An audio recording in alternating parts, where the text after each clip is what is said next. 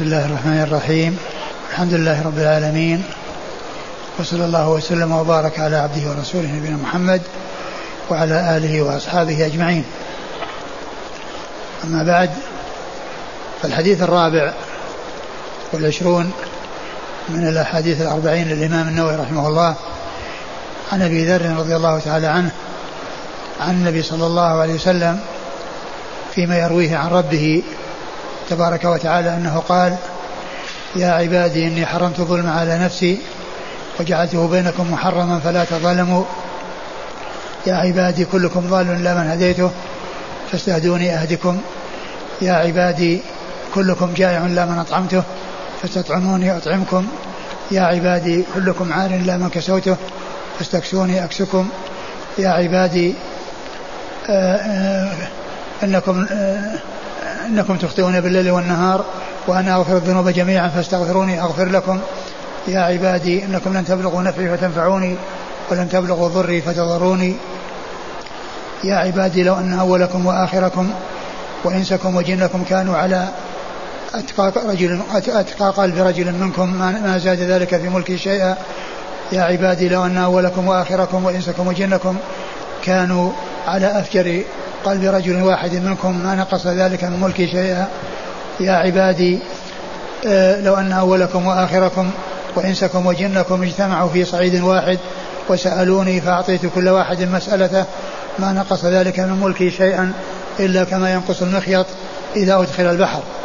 يا عبادي إنما هي أعمالكم أحصيها لكم ثم أوفيكم إياها فمن وجد خيرا فليحمد الله ومن وجد غير ذلك فلا يلومن إلا نفسه. رواه مسلم. هذا حديث عظيم اشتمل على عشر جمل كل جملة منها مبدوءة بيا عبادي وهو من الأحاديث القدسية والحديث والحديث القدسي هو الذي يضيفه النبي صلى الله عليه وسلم إلى ربه هو ما هو ما كان من الحديث أضافه النبي صلى الله عليه وسلم إلى ربه وهو مشتمل على ضمائر التكلم على ضمائر تكلم ترجع إلى الله عز وجل. مثل قوله هنا يا عبادي إني حرمت الظلم على نفسي فان فإنه لا يقول أحد يا عبادي إلا الله سبحانه وتعالى. وكذلك الحديث الذي يقول فيه قوله قوله في الحديث الآخر الصوم لي فإن هذا ضمير تكلم يرجع إلى الله عز وجل. وقال أنا عند حسن ظن عبدي بي كل ما كان من هذا القبيل فإنه يعتبر من الأحاديث القدسية لأن المتكلم فيها هو الله والضمائر ترجع إلى الله ومثل هذا الكلام لا يقوله الرسول صلى الله عليه وسلم أي أن الضمائر ترجع إليه وإنما هي ترجع إلى الله فلا يقول يا عبادي إلا الله سبحانه وتعالى والنبي صلى الله عليه وسلم يضيف إلى ربه آه هذا الحديث القدسي فيقول قال الله عز وجل كذا وكذا أو أو يقال قال الله عز وجل فيما يرويه عنه نبيه صلى الله عليه وسلم. فهذا هو الحديث القدسي. ثم قال آه يا عبادي أول هذه الجمل العشر يا عبادي إني حرمت الظلم على نفسي وجعلته بينكم محرما فلا تظالموا. الله عز وجل أخبر عن نفسه أنه حرم الظلم على نفسه والظلم هو وضع الشيء في غير موضعه. وضع الشيء في غير موضعه وقد حرم الله على نفسه الظلم مع قدرته عليه وقدرته على كل شيء فمنع نفسه من ذلك وحرم على نفسه ذلك فلا يقع منه الظلم أبدا فلا يقع منه الظلم أبدا وهو منزه عنه. ونفي الظلم عن الله عز وجل هو من قبيل النفي الذي جاء في الكتاب والسنة وهو متضمن إثبات كمال إثبات كمال ضد ذلك المنفي. وقد جاء في القرآن آيات عديدة فيها نفي الظلم عن الله عز وجل كما قال الله عز وجل ولا يظلم ربك أحدا وما ربك بظلام للعبيد فلا يخاف ظلما ولا هضما. كل هذه الآيات وأمثالها التي فيها نفي الظلم عن الله عز وجل تدل على إثبات كمال ضد ذلك المنفي الذي هو العدل. يعني يدل على إثبات كمال عدله سبحانه وتعالى. يعني هذا النفي عن الله عز وجل لهذا لهذا الوصف الذي هو الظلم وأنه منفي عن الله هذا النفي يدل على إثبات كمال ضده الذي هو العدل وأن الله تعالى متصف بالعدل على التمام والكمال. وهكذا النفي في الكتاب والسنة عندما يأتي فهو نفي متضمن إثبات كمال وليس كالنفي الذي يكون عند المتكلمين الذي يؤدي إلى نفي الموجود وأن الله تعالى لا وجود له الذي يقول ليس بكذا وليس بكذا وكل صفات ينفونها عن الله فيؤول الأمر إلى أنه لا يبقى وجودا لله عز وجل لا يبقى وجودا لله سبحانه وتعالى. والنفي في الكتاب والسنة إنما يأتي متضمن إثبات كمال لله سبحانه وتعالى. ولا يظلم ربك أحدا أي لكمال عدله. وما كان الله ليعجزه من شيء في السماوات والأرض يعني لكمال قدرته لكمال قدرته. وما مسنا من لغوب يعني لكمال قدرته سبحانه وتعالى. فكل نفي جاء في الكتاب والسنة يدل على إثبات آه، آه، إثبات كمال لله سبحانه وتعالى وهو ضد ذلك المنفي. ضد ذلك المنفي. يعني نفي العجز يدل على إثبات كمال القوة وكمال القدرة. ونفي الظلم يدل على إثبات كمال العدل. وما مسنا من لغوب يدل على إثبات كمال القدرة. يعني ما, ما مسنا من تعب ولا نصب ولا إعياء أي لكمال القدرة. وهكذا.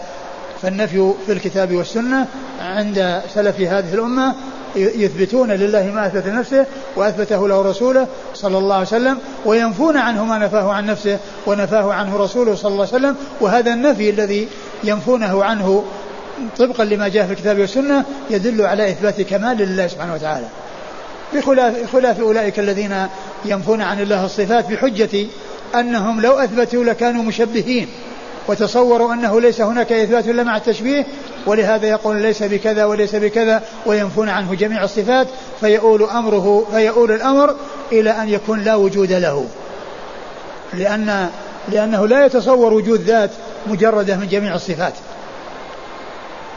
والمتكلمون الذين تصوروا أنه لا إثبات إلا مع تشبيه ففروا من تشبيه بالموجودات تصوروه باطلا ووقعوا في تشبيه أسوأ منه وهو التشبيه بالمعدومات. وهو التشبيه بالمعدومات. ولهذا يقول بعض أهل العلم أن المعطل يعبد عدما يعني لا وجود لمعبوده. كما قال ابن عبد البر رحمه الله في كتابه التمهيد يقول إن الذين ينفون الصفات عن الله عز وجل الذين هم المعطلة يصفون المثبتة بأنهم آه، مشبهة لأنهم ما تصوروا إثبات إلا مع تشبيه. ثم يقول ابن عبد البر وهم عند من أقر بها نافون للمعبود.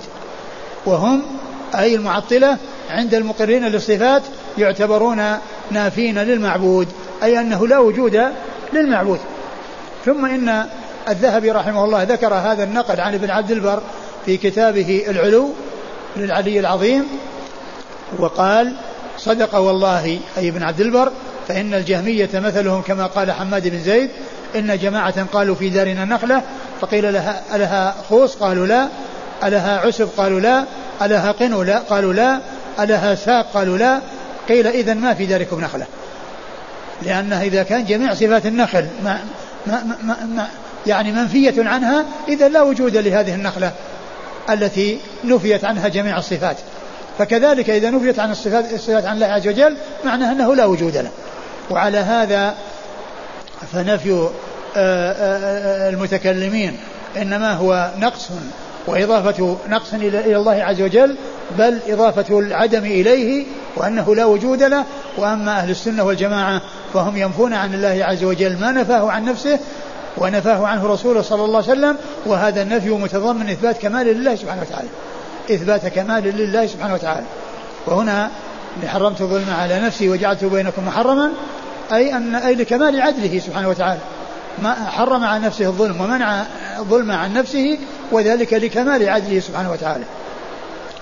إني حرمت الظلم على نفسي وجعلته بينكم محرما. وكما حرمه الله على نفسه ولا يقع منه أبدا فإنه حرمه على عباده ولكن منهم من يحصل منه الظلم ومنهم من يقع منه الظلم ومنهم من يحصل منه الظلم سواء الظلم نفسه وذلك بأن يأتي بأمور آه، منكرة يعني تعود مضرتها عليه ويكون ظالما لنفسه أو يظلم غيره أو يظلم غيره سواء كان ظلمه في في في في في, في, في نفسه بقتله أو بقطع شيء منه أو بعرضه أو بماله فيعني يتعدى يكون الظلم قاصرا على الإنسان ويكون متعديا إلى غيره.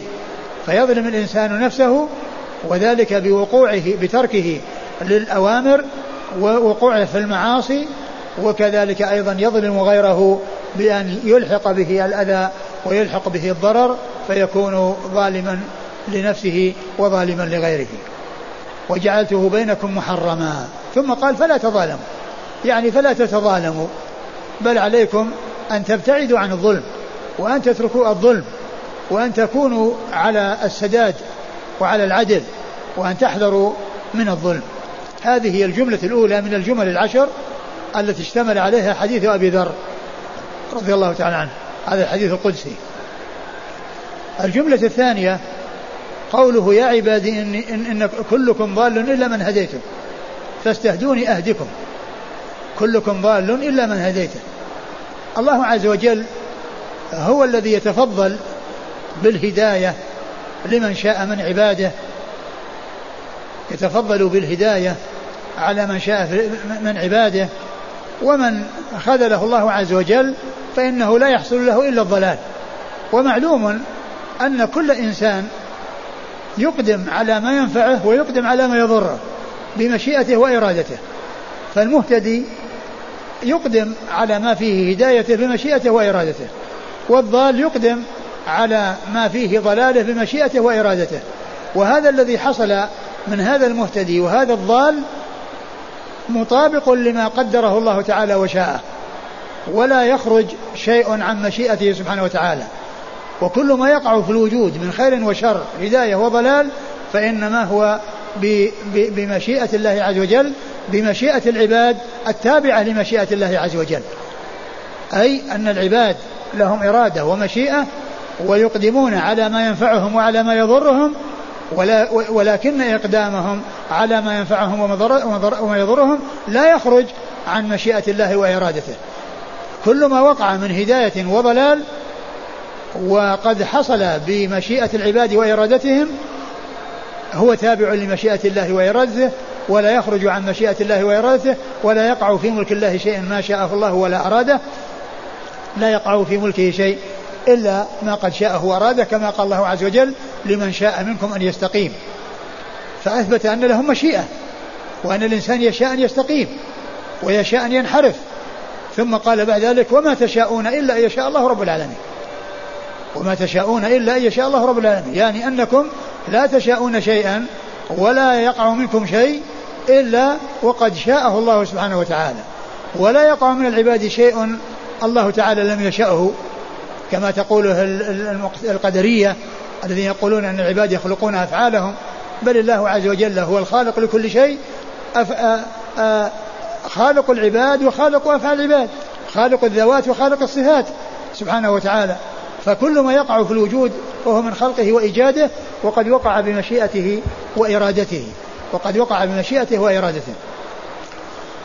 فمن حصل له الضلال الذي هو ضد الهدى فقد حصل بمشيئة العبد وإرادته والله سبحانه وتعالى قد كتب ذلك وقدر ذلك ومن حصل منه الهداية فقد حصل بمشيئته وإرادته والله تعالى قدر ذلك ووفقه لذلك فهو المتفضل بالهداية أولا وآخرا هو الذي تفضل بها حيث هيأ الأسباب ووفق أيضا لحصولها ووجودها فالفضل لله عز وجل أولا وآخرا في كل في كل هداية.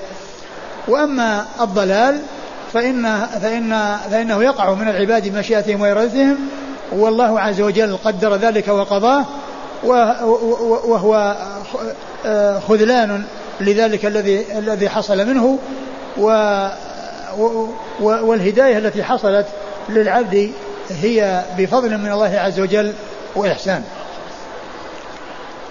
ثم إن آه، الحافظ ابن رجب قال قد يظن بعض الناس أن في هذا الحديث معارضة مع قول مع الحديث الذي الحديث القدسي الذي يقول يقول الله عز وجل في خلقت عبادي حنفاء فاجتالتهم الشياطين. خلقت عبادي حنفاء فاجتالتهم الشياطين.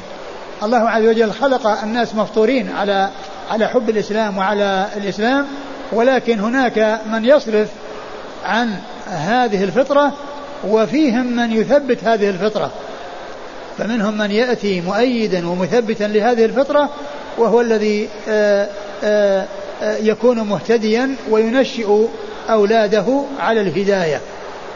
وفيهم من يكون منحرفا فيحرف أولاده عن هذه الفطرة وذلك بصرفهم عنها. كما قال صلى الله عليه وسلم كل مولود يولد على الفطرة فأبواه يهودانه أو ينصرانه أو يمجسانه يعني معنى ذلك أن هذه الفطرة التي الله تعالى فطر الناس عليها من الناس من يأتي مثبتا لها وهو الذي كان على هدى وسداد فيكون آه، عونا لأولاده على الهداية ومنهم من يكون منحرفا عن هذه الفطرة فيسعى إلى حرف وصرف أولاده عنها فينقلهم من هذه الفطرة إلى أن يكونوا يهود ونصارى أو مجوس أو غير ذلك من ملل الكفر المختلفة.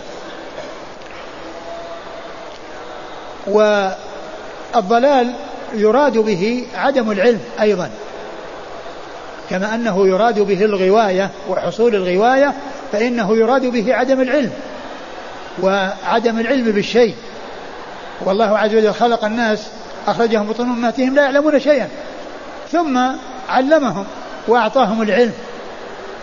وما جاء في القرآن من قول الله عز وجل وجدك ضالا فهدى معنى ذلك أنه كان غير عالم بهذه بهذا الوحي الذي أوحى الله تعالى إليه وهذا العلم الذي أعطاه إياه كان قبل ذلك غير عالم به. هذا هو المقصود بالضلال الذي نفي عنه أو الضلال الذي كان موجودا فهداه الله عز وجل. يعني معناه أنه لم يكن عنده هذا العلم وعنده هذا الوحي وعنده هذا النور من قبل والله تعالى أعطاه إياه. كما قال الله عز وجل ما كنت تدري ما الكتاب ولا الإيمان ما كنت تدري ما الكتاب والإيمان يعني أنه ما كان عنده هذا الشيء ثم أعطاه الله عز وجل ثم أعطاه الله إياه سبحانه وتعالى. فيكون هذا هو معناه. فإذا يأتي الضلال بمعنى الغواية ويأتي بمعنى الجهل وعدم العلم ثم إن الله عز وجل يعطي العلم ويوفق من شاء لأن يعطيه العلم والعلم والضلال الذي أضيف إلى النبي صلى الله عليه وسلم هو عدم العلم بهذه الأمور التي علمه الله تعالى إياها وهذا الوحي الذي أوحى الله تعالى به إليه صلوات الله وسلامه وبركاته عليه. هذه هي الجملة الأولى. الجملة الثانية. يا عبادي كلكم ضال إلا من هديته. كلكم ضال إلا من هديته. و وفي هذا بيان أن الله سبحانه وتعالى يتفضل على من شاء بالهداية. ولهذا قال إلا من هديته ومن هداه الله عز وجل فقد هداه بفضله وإحسانه وتفضله عليه بهذه الهداية. ثم أمر بطلب الهداية فقال فاستهدوني اطلبوا مني الهداية. وفي هذا آه، آه، آه، أمر بطلب الهداية وأن الإنسان يسأل الله عز وجل الهداية. وقد جاء في سورة الفاتحة اهدنا الصراط المستقيم. اهدنا الصراط المستقيم. وحاجة الناس إلى الهداية أعظم من حاجتهم إلى الطعام والشراب. أعظم من حاجتهم إلى الطعام والشراب. لأن لأن الطعام والشراب حاجتهم لتقوم هذه الحياة وليحيا الإنسان هذه الحياة الدنيا. وأما الهداية فهي التي فيها الحياة الآخرة الحياة الباقية الحياة المستمرة الحياة الدائمة. الهداية هي هي التي بها الحياة الباقية على, في النعيم. وأما الحياة الدنيوية فغذاؤها وقوامها هو الطعام والشراب وبذلك تكون الحياة وبدونها يحصل الموت ولا تحصل الحياة. وأما الحياة الباقية فغذاؤها إنما هو بالهداية. للصراط المستقيم. ولهذا جاء في القرآن في سورة الفاتحة التي يقرأها كل مصل في كل ركعة من ركعات صلاته يقول اهدنا الصراط المستقيم. وطلب الهداية للصراط المستقيم يتضمن شيئين. التثبيت على ما قد حصل من الهداية وطلب المزيد من الهداية. التثبيت على ما كان قد حصل من الهداية وطلب المزيد من الهداية. في فيطلب الإنسان من ربه بقوله اهدنا الصراط المستقيم أن يثبته على ما حصل له من الهداية وأن يزيده هدى إلى هدى. وأن يزيده هدى إلى هداه كلكم ضال إلا من هديته فاستهدوني أهدكم. ثم الجملة الثالثة يا عبادي كلكم جائع إلا من أطعمته فاستطعموني أطعمكم. العباد مفتقرون إلى الله عز وجل. وهو غني عنهم. وحاجتهم إليه وفقرهم إليه دائما وأبدا لا يستغنون عن الله طرفة عين. وهم بحاجة إليه في كل شيء في جميع أمورهم في أمور دينهم ودنياهم. لا يستغنون عن الله وهم محتاجون إلى فضله وإحسانه وكرمه وجوده وقد أمرهم وقد أخبر الله عز وجل في هذا الحديث بأن كل إنسان جائع وأن الله تعالى هو الذي يرزق وهو الذي يطعم وأن العبد عليه أن يسأل الله عز وجل وأن يطلب منه أن يطعمه ومع سؤاله عليه أن يأخذ بالأسباب التي يكون بها تحصيل الرزق. لا يسأل الله عز وجل الطعام والرزق دون أن يبذل أسبابا بل عليه أن يبذل الأسباب ويستعين بمسبب الأسباب ويعول على الله عز وجل في تحصيل المراد. فإنه لا بد من أمرين لا بد من فعل السبب ولا بد من التعويل على من بيده كل شيء. وهو الله سبحانه وتعالى لأن السبب قد يوجد ويتخلف المسبب ولكن إذا وجد السبب ووجد توفيق الله عز وجل ومشيئته وإرادته لحصول ذلك المراد الذي يسأله العبد فإنه بذلك آه، إذا شاء الله عز وجل أن يحصل يتحقق هذا المسؤول مع الأخذ بالأسباب التي تؤدي إليه. ولهذا جاء عن النبي صلى الله عليه وسلم أنه قال لو أنكم تتوكلون على الله حق التوكل لرزقكم كما يرزق الطير تغدو خماصا وتروح بطانا فبين صلى الله عليه وسلم في هذا الحديث بأن الطير الله تعالى هو الذي يرزقها وأن تلك الطيور لا تجلس في أوكارها تنتظر شيئا يؤتى به إليها وهي في أوكارها دون أن تبرحها وإنما هي تخرج من أوكارها تبحث عن الرزق والله تعالى هو الذي يرزقها والله تعالى هو الذي يرزقها فهي تأخذ بالأسباب فتغدو خماصا. تخرج من أوكارها في الصباح خالية البطون وهذا هو معنى خماصا وتروح في آخر النهار آه، بطانا يعني ممتلئة البطون ممتلئة البطون. فالإنسان يأخذ بالسبب ويستعين بالله عز وجل على تحصيل المراد وتحقيق المراد ولهذا جاء في حديث أبي هريرة الذي في صحيح مسلم المؤمن القوي خير وأحب إلى الله من المؤمن الضعيف وفي كل خير ثم قال احرص على ما ينفعك واستعن بالله. احرص على ما ينفعك واستعن بالله فجمع بين الأمرين. احرص على ما ينفعك بفعل الأسباب واستعن بالله أي لا تعتمد على الأسباب وتكون الأسباب عندك هي كل شيء بل هناك شيء وراء الأسباب وهو توفيق الله سبحانه وتعالى وحصول آه، آه، التوفيق منه فبذلك تنفع الأسباب ولكن الإنسان لا يترك الأسباب ويهملها ويقول أنا أجلس في بيتي وأغلق علي بابي وإذا كان الله قدر لي رزقا فإنه يأتي ويطرق علي الباب. الطير نفسها ما تبقى في أوكارها وإنما تخرج من أوكارها تبحث عن رزق. فكذلك الإنسان عليه أن يسعى لتحصيل الرزق ولكنه لا يعول على الأسباب ويقول هي كل شيء بل يأخذ بالأسباب ويعتمد على مسبب الأسباب وهو الله سبحانه وتعالى. كما قال في هذا الحديث آه، احرص على ما ينفعك واستعن بالله ولا تعجز. كلكم جائع إلا من أطعمته. الله تعالى هو الذي يرزق وهو الرزاق ذو القوة المتين سبحانه وتعالى. وما من دابة في الأرض إلا على الله رزقها ويعلم مستقرها ومستودعها كل في كتاب مبين. الجملة الرابعة آه الجملة الرابعة قوله كل يا عبادي كلكم عار إلا من كسوته فاستكسوني أكسكم. لما ذكر في الجملة الأولى ما يتعلق بالغذاء الذي هو باطن ذكر الكسوة التي هي ظاهر.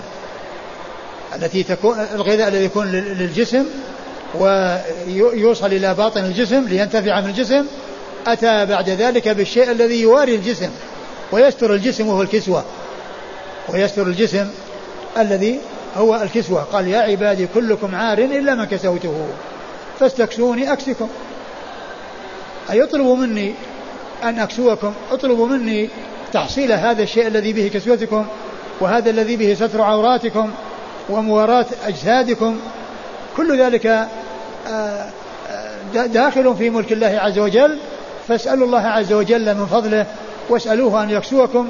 وهذا فيه آه، كما في الذي قبله أن الإنسان مفتقر الله عز وجل في جميع شؤونه في أمور دينه ودنياه وهو مفتقر إليه في أمور دينه في طلب الهداية وأنه بحاجة إلى هداية الله عز وجل وحاجة إلى الهداية فوق كل حاجة وهو في, في أمور دنياه بحاجة إلى الله عز وجل ولا يستغني عنه في في, في الرزق وفي المطعم والمشرب وفي الكسوة التي يواري بها جسده والتي يغطي بها جسده ويستر بها عورته. ثم الجملة الخامسة الأولى كلكم إني حرمت الظلم على نفسي والثانية كلكم ضال والثالثة كلكم جائع والرابعة كلكم عارف والخامسة آآ آه، آآ آه، يا عبادي إنكم تخطئون بالليل والنهار وأنا أغفر الذنوب جميعا فاستغفروني أغفر لكم. العباد مأمورون ومنهيون ومكلفون بأوامر ونواهي. مطلوب منهم امتثال الأوامر واجتناب النواهي. ويحصل منهم التقصير. ويحصل منهم النقص. ويحصل منهم الخطأ في ليلهم ونهارهم. في سرهم وعلانيتهم. يحصل منهم الخطأ. وطريق السلامة من هذا الخطأ ومن الذنب إذا وقع ومن المصيبة إذا حلت بالإنسان المصيبة في الدين التي هي الذنوب والمعاصي أن يرجع إلى الله عز وجل ويسأله المغفرة ويتوب إلى الله عز وجل ويستغفره. والله عز وجل يحب من عباده أن يدعوه. وأن يستغفروه وأن يعولوا عليه ويسألوه. والدعاء هو العبادة كما قال كما قال ذلك رسول الله صلى الله عليه وسلم. فالإنسان يسأله قضاء الحاجات وكشف الكروبات ومغفرة الذنوب ولا يستغني العبد عن ربه طرفة عين. إنكم تخطئون بالليل والنهار. وهذا شأن العباد. كل بني آدم خطاء وخير الخطائين التوابون. كما جاء ذلك عن رسول الله صلى الله عليه وسلم. وأنا أغفر الذنوب جميعا. كل الذنوب الله تعالى يغفرها إذا تيب منها. وأعظم الذنوب وأشدها وهو أظلم الظلم وأبطل الباطل الشرك بالله عز وجل. والله تعالى يغفره لمن تاب. كما قال الله عز وجل قل للذين كفروا إن ينتهوا يغفر لهم ما قد سلف. قل الذين كفروا إن ينتهوا يغفر لهم ما قد سلف.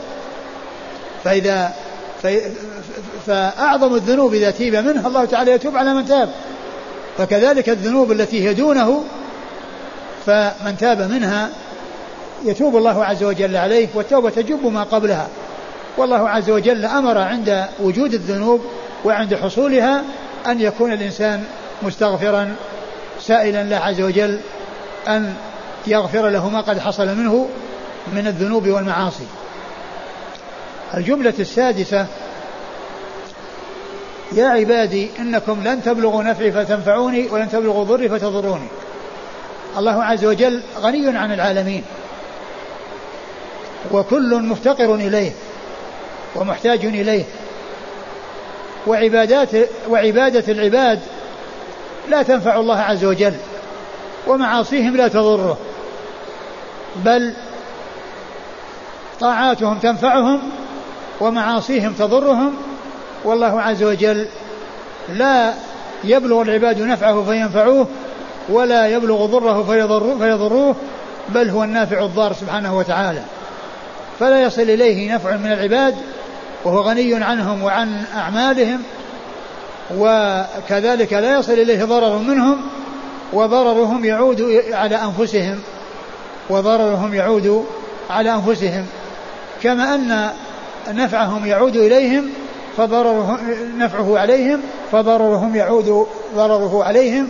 والله عز وجل لا يضره شيء من من من من من من, من, من, من معاصيهم وكذلك لا ينفعه شيء من طاعاتهم بل طاعاتهم تنفعهم ومعاصيهم تضرهم. والله تعالى هو النافع الضار. سبحانه وتعالى يا عبادي إنكم لن تبلغوا نفعي فتنفعوني لن تبلغوا ضري فتضروني. الجملة السابعة يا عبادي لو أن أولكم وآخركم وإنسكم وجنكم كانوا على أتقى قلب رجل منكم ما زاد ذلك في ملكي شيئا. الله عز وجل قسم الناس إلى فريقين فريق في الجنة وفريق في السعير. وهذا هو الذي شاءه الله عز وجل. وهذا هو الذي قدره الله ولا بد وأن يوجد. ما شاء الله كان وما لم يشاء لم يكن. ولكن لو أن الناس كلهم من أولهم إلى آخرهم كانوا مهتدين وكانوا على أتقى قلب رجل من الناس يعني في غاية التقوى ما زاد ذلك في ملك الله شيئا. وعلى العكس من ذلك لو كانوا على أفجر قلب رجل واحد ما نقص ذلك من ملك الله عز وجل شيء لا ينقص ذلك من ملكه سبحانه وتعالى.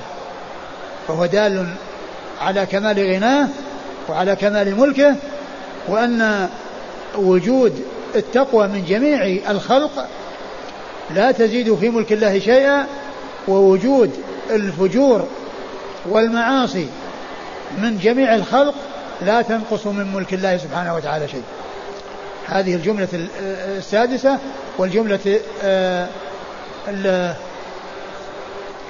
السابعة. يا عبادي آه، لو أن أولكم وآخركم وإنسكم وجنكم كانوا على أتقى قلب رجل منكم ما زاد ذلك في ملك شيئا. والجملة التي بعدها يا عبادي لو أن أولكم وآخركم وإنسكم وجنكم كانوا على أفجر قلب رجل واحد منكم ما نقص ذلك من ملك شيئا. الجملة التاسعة آه يا عبادي لو أن أولكم وآخركم وإنسكم وجنكم قاموا في صعيد واحد فسألوني فأعطيت كل واحد مسألته ما نقص ذلك من ملكي شيئا إلا كما ينقص المخيط إذا أدخل البحر. البحر المتلاطم هذه المياه العظيمة. لو أن الخلق كلهم من أولهم إلى آخرهم سأل كل إنسان ما يريد وسأل كل إنسان بغيته وحاجته وحقق وتحقق ذلك له لم ينقص ذلك من ملك الله شيئا أصلا إلا كما ينقص المخيط إذا دخل البحر والمخيط إذا دخل البحر لا ينقصه شيئا. هذا بيان أنه لا يحصل نقص. ومن المعلوم أن المخيط وهو الإبرة لو غمست في البحر ثم أخرجت فالبلل الذي فيها لا يعتبر شيئا من هذا البحر. لا يعتبر شيئا في رأي العين ولا يعتبر شيئا في الوزن لأنه ليس بشيء. بلل في إبرة. كل ما أعطي الخلق من أولهم إلى آخرهم يساوي البلل الذي في الإبرة من هذا البحر. ف, ف... هذه المخلوقات من أولها إلى آخرها جن الجن والإنس من أولهم إلى آخرهم. لو كل إنسان طلب وسأل الله ما يريد وتحقق له ما يريد ما نقص من ملك الله شيئا إلا كما ينقص المخيط إذا دخل البحر ومعلوم المخيط إذا دخل البحر ما ينقصه شيئا. لا ينقصه شيئا. ثم الجملة العاشرة يا عبادي إنما هي أعمالكم أحصيها لكم ثم أوفيكم إياها فمن وجد غير خيرا فليحمد الله ومن وجد غير ذلك فلا يلومن إلى نفسه. العباد مأمورون ومنهيون وأعمالهم محصاة عليهم. ومدونة ومسجلة ومكتوبة. تكتبها الحفظة تكتبها الكتبة. الذين يكتبون أعمال العباد ما يلفظ من قول لديه رقيب عتيد. أي الملائكة الذين يكتبون الحسنات والسيئات. ثم يجدون هذا الذي عملوه أمامهم. قد أحصي الخير محصى والشر محصى. الأعمال الصالحة محصاة والأعمال السيئة محصاة ولا يظلم ربك أحدا. فلا ينقص أحد من حسناته ولا يضاف لأحد سيئات أخرى لم يفعلها ولا يحمل سيئات من سيئات غيره. كما قال الله عز وجل فلا يخاف ظلما ولا هضما يعني لا يخاف هضما من الحسنات ونقصا في الحسنات ولا ظلما بزيادة السيئات. بل الذي عمله فإنه يحصله إن خيرا فخير وإن شرا فشر كما قال الله عز وجل فمن يعمل مثقال ذرة خيرا يره ومن يعمل مثقال ذرة شرا يره. ويقول الله عز وجل يوم تجد كل نفس ما عملت من خير محضرا وما عملت من سوء تود لو أن بينه وبينها مدى بعيدا يعني كل شيء أمام الإنسان. وجدوا ما عملوا ما عملوا حاضرا ولا يظلم ربك أحدا فكل ما يحصل من العباد من الأعمال فإنهم يجدونها أمامهم إن خيرا فخير وإن شرا فشر. فمن وفق لعمل الخير فإنه يجد ثوابه أمامه ويجد جزاءه أمامه والفضل لله عز وجل أولا وآخرا. فهو الذي تفضل بالتوفيق للعمل الصالح وهو الذي تفضل بالجزاء الحسن على ذلك العمل الصالح. فله الفضل أولا وآخرا. له الفضل في التوفيق لدخول الجنة وله الفضل في التوفيق للأعمال الموصلة إلى الجنة. ومن لم يحصل منه العمل الصالح الذي يؤدي به إلى الجنة ويؤدي به إلى السلامة لا يلوم إلا نفسه. لأنه هو الذي جنى على نفسه وهو الذي فرط وهو الذي أهمل نفسه ويجد ما قدم من الشر أمامه كما أن الذي وفق يجد ما قدم من الخير أمامه. فلا ينقص من حسنات المحسن شيء ولا يضاف إلى المسيء سيئات أخرى ولا يحمل سيئات غيره ولا تزر وازرة وزر أخرى. يا عبادي إنما هي أعمالكم أحصيها لكم ثم أوفيكم إياها. فمن وجد خيرا فليحمد الله ومن وجد غير ذلك فلا يلومن إلا نفسه. هذا حديث أبي ذر الحديث القدسي العظيم المشتمل على هذه الجمل العشر وقد رواه مسلم آه، آه، رحمه الله وقد ذكرت أن آه، أن خمسة أحاديث متوالية من من الحديث الحادي والعشرين إلى الحديث الخامس والعشرين كلها من أفراد مسلم وهذا منها والله تعالى أعلم وصلى الله وسلم وبارك على عبده ورسوله نبينا محمد وعلى آله وأصحابه أجمعين. جزاكم الله خيرا وبارك الله فيكم ونفعنا الله ما قلت.